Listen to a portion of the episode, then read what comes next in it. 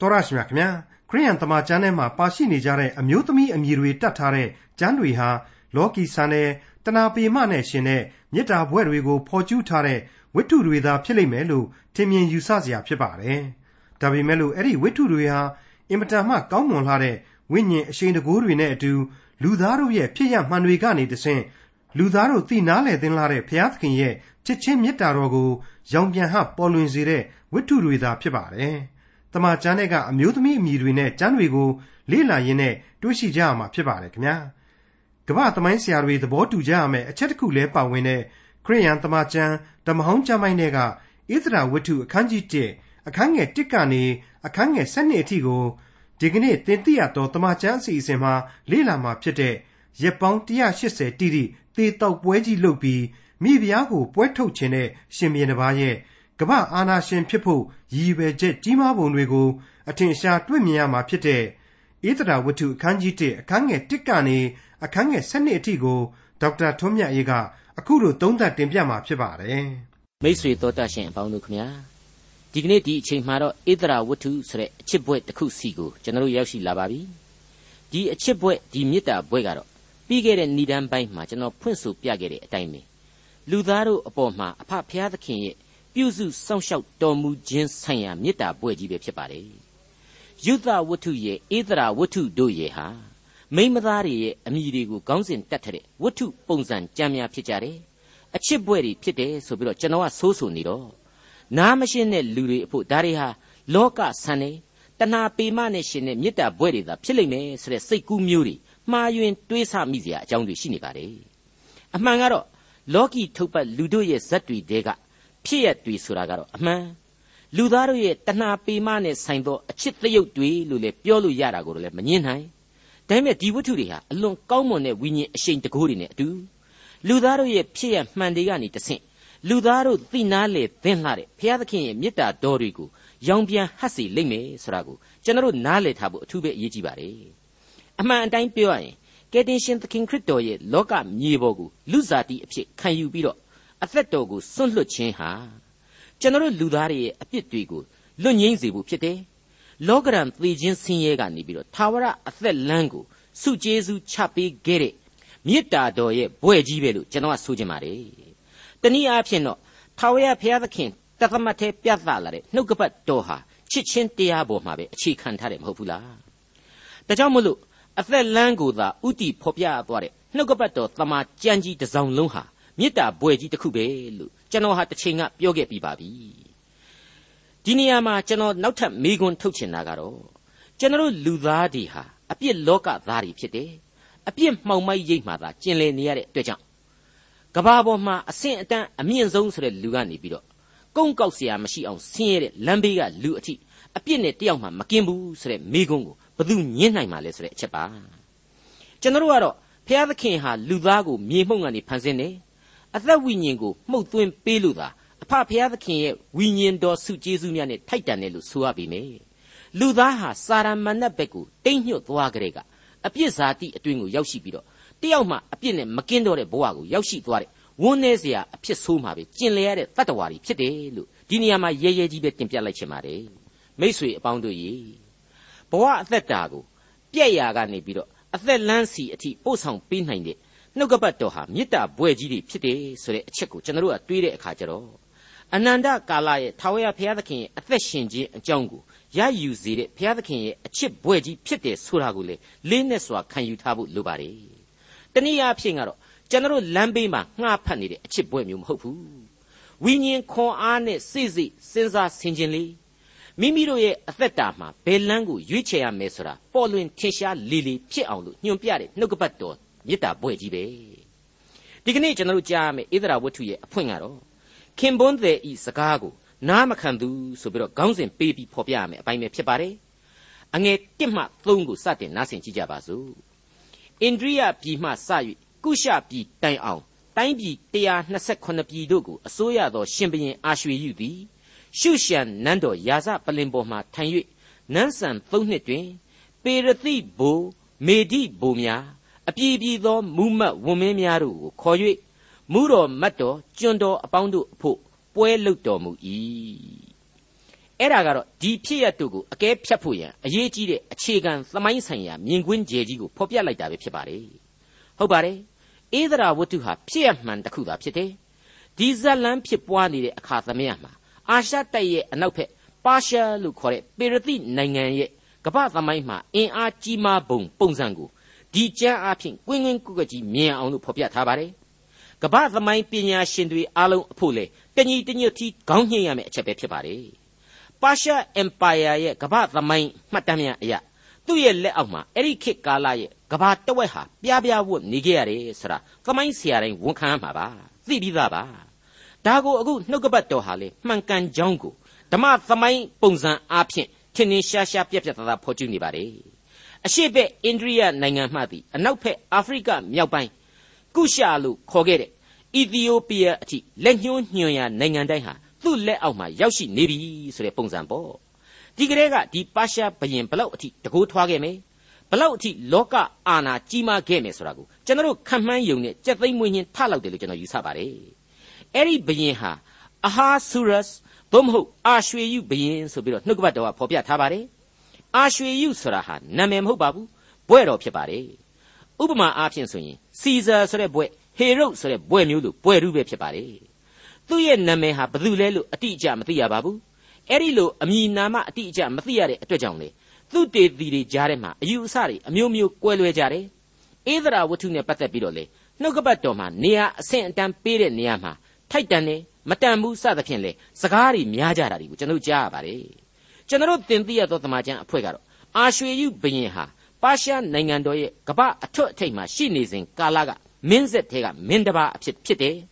အခုဖော်ပြချက်အရဆိုရင်128ပြည်တောင်ကိုတောင်မှလွှမ်းမိုးထားတဲ့နေချက်ဧကရကြီးပေါ့ပြီးတော့ဆက်လက်ပြီးတော့လေသူ့ရဲ့နိုင်ငံတော်ကြီးကိုချက်ထွင်မှုသူဟာကြံစီနေတယ်တနည်းအားဖြင့်နေချက်ဖို့အတွက်ပေါ့အဲ့ဒီအချိန်မှာသူဟာနေချက်ဖို့အတွက်သူ့နဲ့ပြိုင်ဘက်ဖြစ်နေတဲ့ အဲ့ဒီကမ္ဘာသမိုင်းမှာခေါင်းထောင်စပြုတ်နေတဲ့ Greek နိုင်ငံကိုသွားရောက်တိုက်ခိုက်ဖို့ရန်အတွက်အကြီးအကျယ်စိုင်းပြင်းနေတဲ့အချိန်ကာလဖြစ်တယ်လို့ကျမ်းစာရဲ့ဖော်ပြချက်များကိုမှီညမ်းပြီးတော့ကျွန်တော်အလေးနဲ့ယုံကြည်ပါတယ်။အာရွှေယုဆိုတဲ့ဘုရင်ဟာ Sussex the Great လို့ခေါ်တဲ့ကမ္ဘာသမိုင်းကပါရှားဘုရင်ကြီးဖြစ်ခဲ့တဲ့လက္ခဏာတွေကိုလည်းဇလန်းဖော်ပြချက်အရာအခိုင်အမာကျွန်တော်တို့တွေ့ရှိရပါတယ်။ဒါကိုအခုပို့ပြီးတော့ခိုင်လုံအောင်တွေ့ရပါလိမ့်မယ်။နားဆွင့်ကြည့်ကြပါ။ဧဒရာဝတ္ထုအခန်းကြီး1အငယ်၄ ထိုအခါနိုင်ငံတော်စည်းစိမ်ဘုံအာနုဘော်တော်တို့ကိုအရက်180ပတ်လုံးပြသတော်မူ၏ရှင်းရှင်းလေးပြောရရင်တော့ရှေးခေတ်ထုံးစံအတိုင်းသူဘလောက်အာနာရှိတာတကိုးကြီးတာဆိုတာကိုခင်းချင်းပြသတဲ့ပွဲပါပဲအခုခေတ်စကားနဲ့ဆိုရင်တော့စစ်အင်အားလေ့ကျင့်ပွဲသဘင်စစ်ရေးပြအခမ်းအနားကြီးများနဲ့နိုင်ငံတော်ပျော်ပွဲရွှင်ပွဲကြီးတွေကိုပူပေါင်းပြုလုပ်တာဖြစ်ရမယ်လူပိန်းစကားနဲ့ပြောရရင်တော့ကြွားတာပါပဲ ပတ်ဝန်းကျင်ကသိမ့်သိမ့်တုံအောင်သူလုပ်ပြတာပါပဲအခုခေတ်လို့ဆိုရင်တော့ဒီလိုကိစ္စမျိုးဟာတကဘာလုံးကိုတရက်အတွင်းကြီးညာနိုင်ပါလိမ့်မယ်ကဘာကသိအောင်လုပ်ပြနိုင်ပါလိမ့်မယ်အာရွှေယုဘရင်ကြီးကတော့ကဘာကအဲ့ဒီလိုသိမ့်သိမ့်တုံသွားအောင်လို့ဆိုပြီးတော့ရက်ပေါင်း180တောင်မှလုပ်တယ်ဆိုပါလားအဲ့ဒါဟာ6လစစ်တိုက်ကျင်းပတဲ့ပွဲကြီးဆိုတာရှင်းနေပြီပေါ့အဲ့ဒီသူ့ရဲ့အခမ်းအနားကိုတော့သူ့ရဲ့လက်အောက်ခံနေပယ်ကြီး128ခုကစစ်ဗိုလ်ကြီးတွေမူကြီးမတ်ရာတွေဘယင်ကန်ကြီးတွေအကုန်လုံးကိုသူကဖိတ်ကြားတယ် အဲ့ဒီလိုလှဲနေလှေအောင်မြင်းဆောင်မကြံအောင်ပြစားမှုအားဖြင့်သူ့ရဲ့မဟာအင်အားကြီးနိုင်ငံတော်ဟာဘလောက်အထိအစွန်းတက်တိရှိတယ်ဒနစည်းစိမ်ဥစ္စာနဲ့ပြည့်စုံကြွယ်ဝတယ်ဘသူ့ကိုမှလည်းသူ့အနေနဲ့မှုเสียမလိုတော့အောင်သူ့နိုင်ငံတော်ကြီးဟာခိုင်ကန့်စီလုံးညီညွတ်တယ်ဆိုတာတွေ့ကိုဒီပွဲလန်းသဘင်ကြီးအဖြစ်ထင်ရှားအောင်ကြွားဝါလိုက်ခြင်းပဲဖြစ်ပါတယ်ဒါဆိုရင်အာဆူရတ်ဘုမဟုတ်အာရွှေယုဆိုတဲ့ဒီပါရှားဘရင်ကြီးဟာဘာကြောင့်ဒီလိုစစ်ရေးအင်အားကိုပြစားနေရတယ်လဲဆိုတာဆက်ပြီးစဉ်းစားဖို့လိုလာပါတယ် ကဘာသိအောင်ဒီလိုဘာကြောင့်အကြီးအကျယ်ကျင့်ပနေရတယ်လဲဆိုတာကိုအလေးအနက်ထားပြီးတော့စဉ်းစားတွေးခေါ်ဖို့ပေါ်လာပါတယ်ရှင်းနေပါတယ်သူဟာကဘာမှာအင်အားအကြီးဆုံးဖြစ်နေတဲ့အချိန်အဲ့ဒီအချိန်မှာသူ့ကိုအားပြိုင်နေတဲ့တခြားအင်အားကြီးအုပ်စုတစ်ခုဟာရှင်ပြိုင်ပေါ်ထွန်းနေလို့သာလျှင်အခုလိုတကိုးပြိုင်တာပဲဆိုတဲ့အချက်ပေါ်လာတယ်အဲ့ဒါကတော့တခြားမဟုတ်ဘူးကျွန်တော်စောစောတုန်းကဖော်ပြခဲ့တဲ့သူနဲ့အပြိုင်အရင်ကဘာပေါ်မှာခေါင်းထောင်လာတဲ့ Greek နိုင်ငံကိုသူချင်းချောက်တာပဲ ဂရိနိုင်ငံကိုစောင့်မြောင်းပြီးတော့သူဟာရန်စခြင်းလို့အခုလိုအင်အားပြတာပဲပါရှားရဲ့အဓိကရပြိုင်ဘက်ဟာဥရောပရဲ့ Greek နိုင်ငံတော်ကြီးဖြစ်နေတာကိုသမိုင်းကြောင်းအရာလဲထင်ရှားစွာကျွန်တော်တို့တွေ့ကြရပြီးဖြစ်တော့ဒါဟာညင်းစရာမလိုတော့အောင်ရှင်းနေတဲ့ကိစ္စပါအဲ့ဒီ Greek နိုင်ငံတော်ကြီးဟာကမ္ဘာသမိုင်းအတွက်တောက်မဲ့မိခဲ့တရေရဲဆိုသလိုဖြစ်နေပြီဆိုတာကိုကျွန်တော်တို့ကမ္ဘာသမိုင်းစာမျက်နှာတွေမှာပြန်လှန်ကြည့်ရင်အဲ့ဒီအချိန်ကာလမှာပူးတွဲတွေ့ရမှာအမှန်ပါပဲဒီတော့ အခုပါရှားဘရင်ကြီးအာရွှေယူနဲ့ပတ်သက်ပြီးတော့ဓမ္မသမိုင်းသူတေတီတွေဟာဘလောက်ပဲဝိဝါဒတွေကွဲပြားနေနေ Sussex the Great ကိုပါရှားဘရင်ကြီးဖြစ်ကိုဖြစ်ရလိမ့်မယ်ဒီနေရာမှာနောက်ထပ်ဝိဝါဒကွဲပြားမှုတစ်ခုကိုပါကျွန်တော်အနေနဲ့မချမ်းမချွင်းမဲ့နဲ့ထည့်သွင်းဖော်ပြရမယ်ဆိုရင်1909ခုနှစ်ကထုတ်ဝေခဲ့တဲ့ British Museum သမိုင်းလေ့လာချက်စာအုပ်တစ်ခုရဲ့အဆိုအရ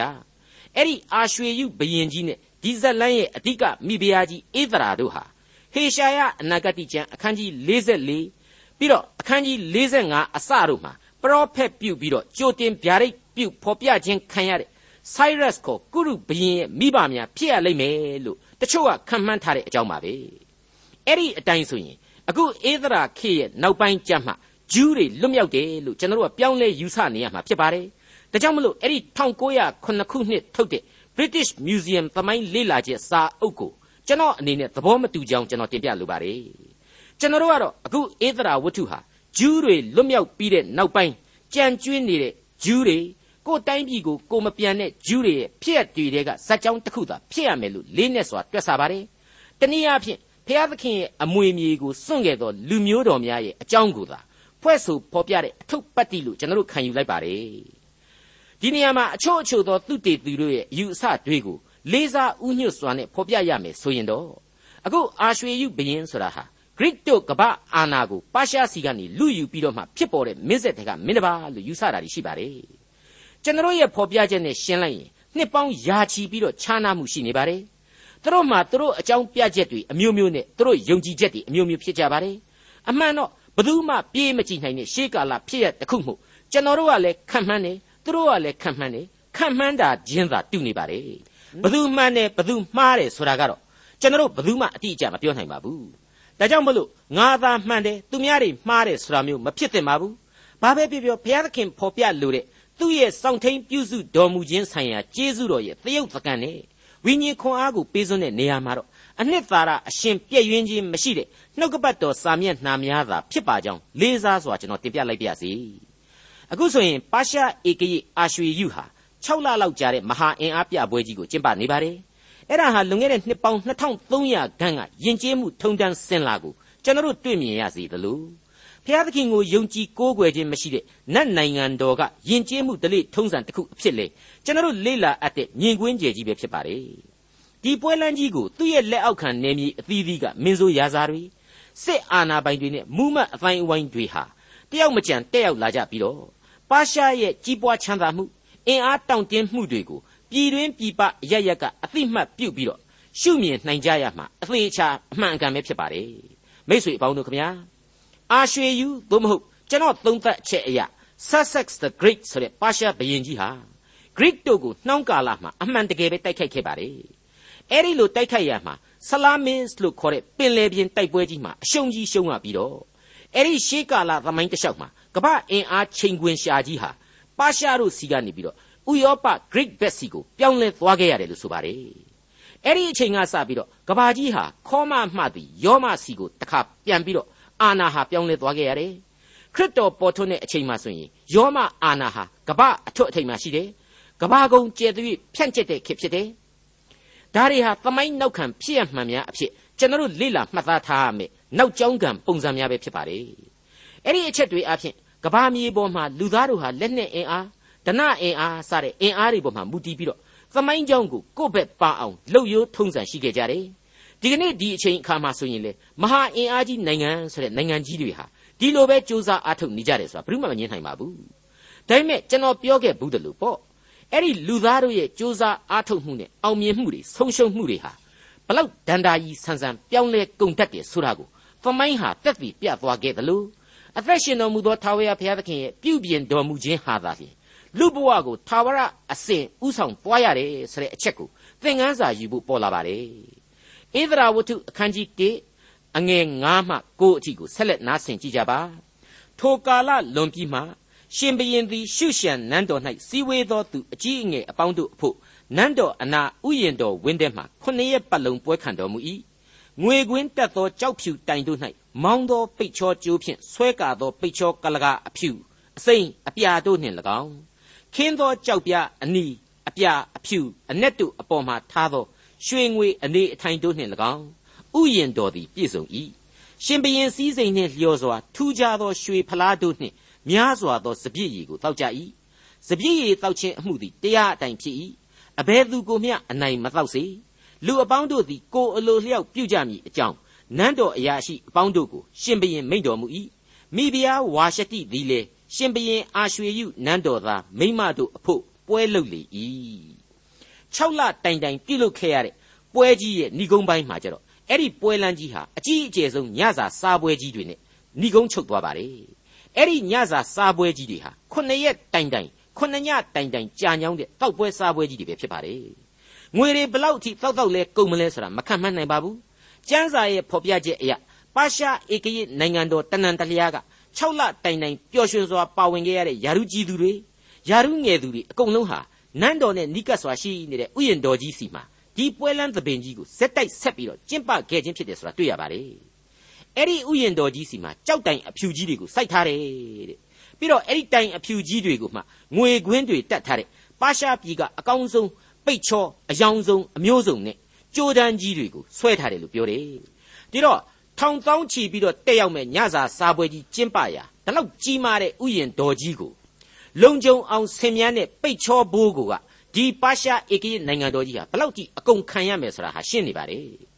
ပြီးတော့ဥယျာဉ်တော်ကြီးတစ်ခုလုံးကိုသလင်းကြောက်လို့ယူဆရတဲ့ကြောက်ပြားတွေနဲ့အပြည့်ခင်းထားသေးတယ်လို့ပြောပါတယ်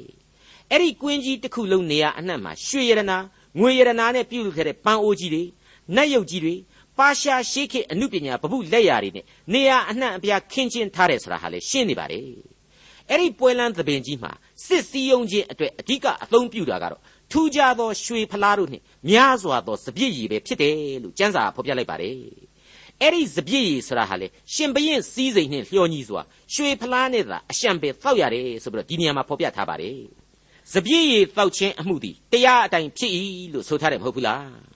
အတိတ်ပဲကတော့ဘယင်ကြီးကိုယ်တိုင်ဟာသူ့ရဲ့ပွဲတော်ကိုတက်လာတဲ့ဧပရိသတ်တွေကိုဂုံပြုတဲ့ပွဲဖြစ်လို့ပရိသတ်တွေကလည်းသူ့ကိုတလက်ပြန်ပြီးတော့ဘယင်ကြီးအာရွှေယုတက်တော်ရာကျော်ရှေပါစေသောဆိုပြီးတော့ရွှေဖလားကလေးတွေကိုစီမြောက်ခါမြောက်ခါနဲ့ချီးမွမ်းထောမနာပြုခြင်းအရက်မော့ကြခြင်းပဲဖြစ်လိမ့်မယ်လို့တွက်ဆရပါတယ်မိษွေအပေါင်းတို့ခမညာစီးပွားရေးလုပ်ငန်းကြီးတွေလုပ်တဲ့နေရာမှာပဲဖြစ်ဖြစ်နိုင်ငံရေးအတွက်ဂုံပြုအခမ်းပွဲကြီးတွေကျင်းပရမှာပဲဖြစ်ဖြစ် မူရစ်ဆေးဝါးတွေမကောင်းဘူးလို့သာကြွေးကြော်နေကြတဲ့ကြားရရပဲအရက်ဆိုတာကတော့မပါရင်မဖြစ်တော့တွင်ကျဲနေတာဟာအခုမှမဟုတ်ပါဘူးရှေးကာလကလေးကဆိုတာကိုကျွန်တော်တို့တွေ့ရပါပြီအခုပါရှားဘရင်ကြီးအာရွှေယုဟာဘသူကိုမှတော့မတော့မနေရအမိတ်မချဘူးဆိုတာတွေ့ရပါတယ်။စပြည့်ရည်တောက်ခြင်းဟာတရားမျှတတယ်လွတ်လပ်စွာတောက်နိုင်ခွင့်ရှိတယ်။ဒါကြောင့်တောက်ခြင်းတလောက်တောက်ကြမတောက်ခြင်းရင်လည်းနေကြဆိုတဲ့လွတ်လပ်ခွင့်ကိုပေးထားတယ်ဆိုတာကိုတွေ့ရတော့ ကျွန်တော်အယူအဆပြောရရင်တော့အများစုသောပြိသက်ဘူကြီးအပေါင်းကတော့လက်လွတ်စပယ်တွေတောက်ကြမူးကြယူကြဖြစ်ကြမှာသိကြပါတယ်။အဲ့ဒီလိုယောက်ျားကြီးတွေကမူးကျင်တိုင်းမူးပျော်ကျင်တိုင်းပျော်နေကြတဲ့အချိန်မှာအခုခေတ်နဲ့မတူတဲ့ပုံစံကလေးတစ်ခုကတော့အဲ့ဒီခေတ်ပါရှားမင်းနဲ့မူမတ်ကတော်တွေဟာယောက်ျားတွေရဲ့အဲ့ဒီဝိုင်းထဲမှာမဝင်ကြပဲနဲ့သီးသန့်အမျိုးသမီးများအခန့်ပွဲကြီးကိုအာရွှေယုရဲ့မိဖုရားကောင်ကြီးဖြစ်သူဝါရှတိအမှုပြုပြီးတော့ကျင်းပနေကြတယ်ဆိုတဲ့ထူးခြားတဲ့အချက်ပါပဲအဲ့ဒီတော့ ဒီပါရှားမြို့တော်ကြီးရှုရှန်နန်းတော်ကြီးမှာဖြင့်ဘလောက်အထိမီလီယံတွေဟာတထိန်ထိန်နဲ့လင့်ထိန်နေမယ်လူသားတွေဟာလည်းဘလောက်ပျော်နေကြမယ်ဇိမ်ကြနေကြမယ်လွတ်လွတ်လပ်ရှိနေကြမယ်ရှေးခေတ်ရှေးခေတ်အလျောက်တူရိယာအသံပလံမျိုးစုံနဲ့ဆူညံပြီးတော့မြို့တော်ကြီးတစ်ခုလုံးစီကားတိုက်မြိုက်နေကြမယ်ဆိုတာကိုကျွန်တော်ခံမှန်းတွေးဆနိုင်ကြပါလိမ့်မယ်ဧဒရာဝတ္ထုအခန်းကြီး1အငယ်30မှ7မိဖုရားကြီးဝါရှတိသည်အစင်းလှသောကြောင့် ခொနည်းမြောက်သောနေ့၌ရှင်ဘရင်သည်စပြည့်ရည်တောက်၍ရှင်လန်းသောစိတ်ရှိသောအခါမိဖုရားအစင်းလှခြင်းအသရေကိုမင်းများနှင့်လူများတို့အားပြလိုသောငါမိဖုရားဝါရှတိကိုယာစတရဖူဆောင်းစီ၍အထံတော်သို့ဆောင်ခဲ့ရမည်အကြောင်းမဟုမန်ဘိဇသဟာဘောနာဘိကသအဘာဂသဇေသာကာကတ်ဒီဟုသော အမှုတော်တန်းမိမဆိုးခုနှစ်ယောက်တို့ကိုမိန့်တော်မူ၏ တို့ရတွင်မိမဆိုးဆင့်သောအမိန့်တော်ကိုမိဖုရားသည်ညှင်းဆန်၍မလာဘဲနေ၏ထိုကြောင့်ရှင်ဘရင်သည်အမျက်ထွက်၍ဒေါသမီလောင်လျက်နေတော်မူ၏ဟောအဲ့ဒီပွဲဟာရှင်ဘရင်စည်းစိမ်နဲ့တရားအတိုင်းကိုယ်စိတ်ကြိုက်ကိုယ့်အကူတောက်ကြဆိုပြီးတော့ဘယင်ကြီးဟာကိုယ်တိုင်အမိန့်တွေထုတ်ပြန်ထားတယ်သူ့အမိန့်အတိုင်းသူထုတ်ပြန်တဲ့ဥပဒေနဲ့အညီသူ့ဟာသူပဲတရလွန်တောက်ပြီးတော့ရှေ့ဆုံးကမူးနေတယ်ဆိုတဲ့သဘောကိုဒီနေရာမှာတွေ့ရပြီဒီနေရာမှာကျမ်းစာကဖော်ပြထားတာကတော့ ရှင်ဘရင်ကြီးသည်စပြည့်ရည်တောက်၍ရှင်လန်းသောစိတ်ရှိသောအခါတဲ့ရှင်းပါတယ်နော်ဘုရားသခင်ကိုဝတ်ပြုပြီးတော့ရှင်လန်းတာမဟုတ်ပါဘူးနှုတ်ကပတ်တော်အားဖြင့်စိတ်ရှင်လန်းခြင်းလည်းအရှင်းမဟုတ်ပါဘူးအရက်တွေကိုနင်းကန်တောက်ပြီးတော့ပျော်တယ်ပျော်တယ်အာကြီးပျော်တယ်ဆိုတဲ့ပုံစံမျိုးဖြစ်လာတာပါယူယူမူမူဖြစ်နေတဲ့ပုံစံပေါ့အဲ့ဒီလိုရှင်ဘရင်ကြီးကပစိုးမနိုင်ပဝါမနိုင်ဖြစ်နေတော့မှဘသူမှလည်းဝင်ပြီးတော့ဘရင်ကြီးနည်းနည်းများနေပြီထင်ပါတယ်ခင်ဗျာတိုင်းကွက်နင်းပြီးတော့ရှာတွေလိမ့်နေပါပြီခင်ဗျာဆိုပြီးတော့လည်းပြောရမှာမဟုတ်ဘူး မြောက်ပေးပြီးတော့ယာရုတိုးအောင်လှုပ်ကောင်းလှုပ်ကြလိမ့်မယ်နေရာကောင်းရအောင်သာဘယင်ကြီးကိုမူးနေတဲ့ဘယင်ကြီးကိုမြောက်ပင့်ပေးပြီးတော့အရင်ငှဲ့ပြီးတော့တောင်းဆိုကြလိမ့်မယ်လို့ကျွန်တော်တွေးတယ်အဲ့ဒီလိုနဲ့ပဲသူ့ရဲ့နိုင်ငံရေးအင်အားစီးပွားရေးအင်အားစီးရေးအင်အားတွေကိုပြသပြီးဂုံယူမဆုံးတပြုံပြုံဖြစ်နေတဲ့ဘယင်ကြီးဟာနောက်ဆုံးပြเสียမကြံတော့တခုခေါင်းထဲကိုဝင်လာတဲ့အဲ့ဒါကတော့တခြားမဟုတ်ဘူးသူ့ရဲ့မိဖုရားကြီးဝါရှတိတယောက်ဘလောက်အထိလှတယ်ဆိုတာကိုပြခြင်းနဲ့ဆန္ဒပဲဖြစ်ပါတယ် အဲ့ဒါနဲ့ပဲသူ့ရဲ့အမှုတော်တန်းမိမစိုးကြီးတွေဖြစ်တဲ့မဟုမန်ဘိဇသဟာဘောနာအမှုပြုပြီးတော့လက်ထောက်9ယောက်ကိုဟဲ့ကောင်နေငါမိဖုရားကြီးဝါရှတိဘလောက်ချောတယ်လှတယ်ဆိုတာကိုငါပြခြင်းသေးတယ်ကွာအဲ့ဒါကြောင့်အခုချက်ချင်းသွားပြီးတော့ယာဇတရဖူဆောင်းလှလှပပဝတ်ရင်မွေးတွေပါဆွတ်ပြီးတော့ငါရှေ့တော်မှောက်ကိုခေါ်ခဲ့စမ်းဆိုပြီးတော့ခိုင်းတဲ့ခက်ပုံများနော်ဟိုမှာကလည်းအခြားကြော်ကြီးတွေနဲ့အဝတ်အစားအကြောင်းရွှေငွေရတနာတွေအကြောင်းတွေကအစ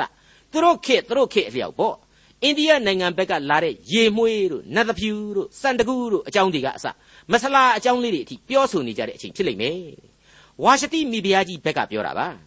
မိမအချင်းချင်းဆိုတော့ဟုတ်တော်ရှိမဟုတ်တော်ရှိအတင်းအပြင်းကလေးတွေလည်းပါခြင်းပါမှာပေါ့ဒါသဘာဝလေ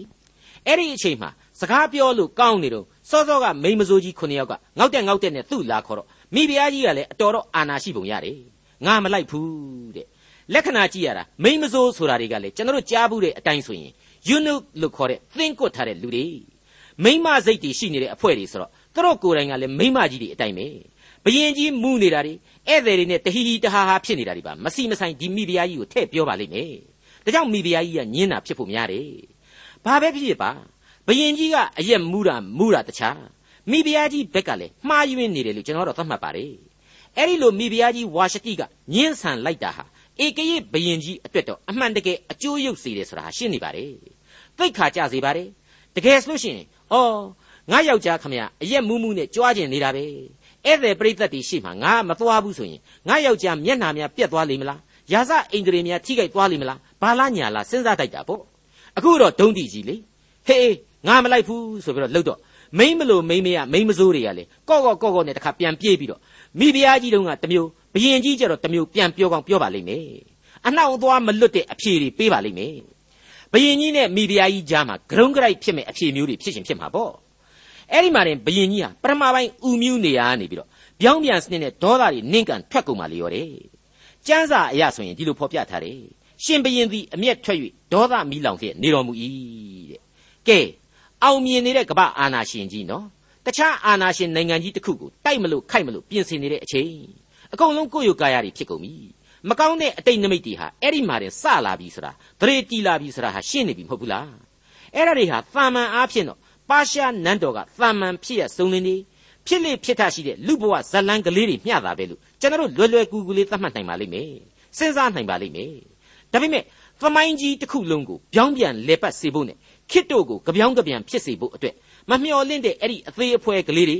မထင်ရှားတဲ့လူသားတွေရဲ့စိတ်ယူပေါက်မှုကလေးတွေကနေပြီးတော့ဘုရားသခင်ဖန်တီးတတ်တယ်ဆိုတာကိုပြသနေတာပဲလို့ကျွန်တော်တို့လေးနဲ့စွာခံယူကြရပါလိမ့်မယ်ဟုတ်ပါတယ်ဘလောက်အထိအဲ့ဒီလိုအသေးအဖွဲပြဿနာကလေးဟာကြီးမားတဲ့ဖြစ်ရကြီးတွေစီအထိဥတီသွားတယ်ဆိုတာကိုမကြခင်ကျွန်တော်တို့ဆက်ပြီးတွေ့ရပါတော့မယ်အာရွှေယုဘယင်ကြီးဟာအပြည်ပြည်ကိုအစိုးရတဲ့ဧကရေကြီးကပ္ပအာနာရှင်ကြီးပင်ဖြစ်စေကမူအရက်တွေအပေါက်လွန်တဲ့အခါမှာအရက်သမားအမှားတစ်ထောင်ဆိုတဲ့ကိန်းကိုစိုက်သွားရပါတယ် အဲ့ဒီလိုပါပဲရှေးကာလကနော်အေးဆိုတဲ့ကဘာသစ်ကဖခင်ကြီးတယောက်ဟာအရက်တွေအလွန်အကျွံတောက်ပြီးတော့အဆက်တကွဲတွေဖြစ်ခဲ့ရတာတွေလောတာဆိုတဲ့လောဘသားတယောက်ဟာတစ်ချိန်လုံးကအရက်တွေနဲ့မဖွဲမရဇက်လန်းတွေဆင်ခဲ့မိတာတွေအဲ့ဒီဇက်လန်းတွေအကုန်လုံးဟာကျွန်တော်တို့ကိုသေရသေရရဲ့မကောင်းမှုဖြစ်ရအမျိုးစုံကိုသင်ခန်းစာတွေပေးနေပါတယ်ဒီအရက်သေရစာနဲ့ပတ်သက်ပြီးတော့နှုတ်ကပတ်တော်အပေါ်မှာအတိတ်ပဲပြန်ဆိုတာ ခံယူတာတွေဟာအမျိုးမျိုးကွဲပြားခြားနားမှုတွေရှိနေတယ်ဆိုတာကိုကျွန်တော်တို့ဒီနေရာမှာဝန်ခံရမှာဖြစ်ပါတယ်ဂိုင်းကနတွေအမျိုးမျိုးဟာအယူအဆတွေအမျိုးမျိုးကွဲပြားခြားနားနေပါတယ်အမှန်တော့ကောင်းဤမကောင်းဤဆိုတဲ့အချက်တွေဟာကျွန်တော်အုံနောက်နဲ့စဉ်းစားရင်တောက်မှပေါ်လာနိုင်တဲ့အချက်တွေဖြစ်တယ်။သမိုင်းသင်ခန်းစာတွေလည်းအမြောက်အများရှိနေတယ်။နေ့စဉ်ကြားသိမြင်တွေ့နေရတဲ့ကိစ္စတွေလည်းဖြစ်တယ်။ကိုလိုရာကိုသာကိုဆွဲပြီးတွေးနေကြမယ်အစားဖြစ်ရမှန်သမိုင်းအချက်အလက်တွေသိပ္ပံနိကြရှာဖွေတွေ့ရှိချက်တွေ လက်တွေ့သင်ခန်းစာတွေနဲ့သာလျှင်သေရသေရဆိုတာကောင်းသည်ဆိုးသည်ဝေဖန်တိုက်တယ်လို့ကျွန်တော်ဖြစ်ဆွဲချင်ပါတယ်အခုပါရှားလို့ခေါ်တဲ့ပေရတိဘယင်ကြီးအာရွှေယုရဲ့ဖြစ်ပုံကတော့အလုံးကြားတော်မူခဲ့ကြတဲ့အတိုင်းပဲတခုမှစိတ်သက်သာစရာမရှိဘူးတိုင်းပြည်ကြီးတွေကမူကြီးမတ်ရာတွေမင်းကြီးမင်းသားတွေစစ်ဘိုလ်ကြီးတွေနဲ့အတူရွှေဖလားနဲ့စပြည့်ရည်သို့မဟုတ်အရက်ချိုတွေကိုဘုံဘောလောတောက်တယ်အောင်သေးအောင်သားစားကြတယ်အဓိကအားဖြင့်တော့ သူ့ရဲ့မဟာပြိုင်ဘက်ကြီးဖြစ်တဲ့ Greek နိုင်ငံကိုစစ်ပြိုင်မလို့အင်အားပြနေတဲ့အခမ်းအနားကြီးပဲဖြစ်ပါတယ်ဒီပွဲကြီးဟာရက်ပေါင်း180သို့မဟုတ်6လကြာညောင်းခဲ့ပါပြီသူတို့ရဲ့ယင်ထဲမှာဘလောက်အထိကပ္ပအာနာကိုဆွဲကင်ရယူရေးတူရီပိုင်ဖြစ်ရေးအတွက်မျောလင့်ချက်ကြီးတွေနဲ့အားကောင်းနေလိမ့်မလဲအိမ်မက်ကြီးတွေမက်နေလိမ့်မလဲဆိုတာကိုစာနဲ့တောင်မှဖွဲ့ပြလို့ရပွဲမရှိပါဘူးဒီအချိန်မှာပါရှားနိုင်ငံတော်ကြီးဟာသူတို့ဘိုးဘေးတွေဖမ်းဆီးခေါ်ဆောင်လာတဲ့ဂျူးသို့မဟုတ် ဣသရေလလူမျိုးတွေကိုလည်းကျွံပြုတ်ထားလို့သူတို့လက်အောက်မှောင်ရိပ်မှဆိုရင်ဂျူးလူမျိုးဟာကျွံတပေါက်များအဖြစ်ရောက်ရှိလို့နေပါပြီဂျူးလို့ခေါ်တဲ့ဣသရေလတွေရဲ့နောက်ကျောင်းကိုပြန်ကြည့်လိုက်ရင်လေအဲ့ဒီရွေးကောက်တော်မူသောလူမျိုးတော်ဟာဘုရားသခင်ကိုကြောခိုင်းခဲ့ကြတယ်မေ့လျော့သွားခဲ့ကြတယ်ဘုရားသခင်ရဲ့စကားတော်ကိုနားမထောင်ရုပ်ထုဆင်းတုတွေကိုကိုးကွယ်ကြတဲ့အထိအပြစ်တွေကျူးလွန်ခဲ့ကြတာတောင်ဘုရားသခင်မျက်နှာလွှဲတော်မူခြင်းကိုခံရပြီးတော့ ဘာဘူးလုံဘရင်နေဘုခတ်နေဇာလက်ထက်ကလေးကကျွန်ဖြစ်ခဲ့ကြတာဟာအခုပါရှားတို့ခေတ်ရဲ့ Sussex the Great ခေါ်အာရွှေယုဘရင်ကြီးရဲ့လက်ထက်အထိကျွန်ဘဝမှာတင်နုနှစ်ဆဲဖြစ်နေတယ်ဆိုတာကိုကျွန်တော်တွေ့ရပါတယ်ဒီတော့ကျွန်ဖြစ်ခဲ့ရတဲ့သူတို့ဟာဘုရားသခင်ရဲ့ကျေးဇူးတော်ကိုနဖူးတွေ့ဒူးတွေ့ခံစားရတဲ့ကြားတွေကကျေးဇူးတော်ကိုမသိကြနားမလဲကြလို့ကျွန်ဖြစ်ခဲ့ကြရပြီအဲ့ဒီအချိန်မှာသူတို့ကိုကျွန်ပြုတဲ့လော်ကီအစိုးရဧကရစ်နိုင်ငံတော်ကြီးဟာလေဘုရားသခင်ဆိုတာကိုဘာမှညာမှန်းတောင်မသိ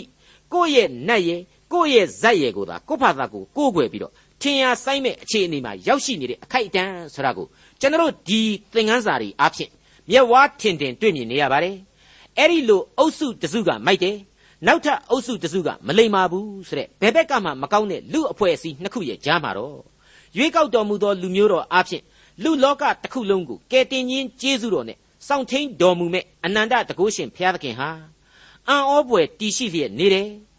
ထူးဆန်းတဲ့အမှုများအားဖြင့်သူဖြစ်စေခြင်းနဲ့သမိုင်းအလှည့်အပြောင်းအတွက်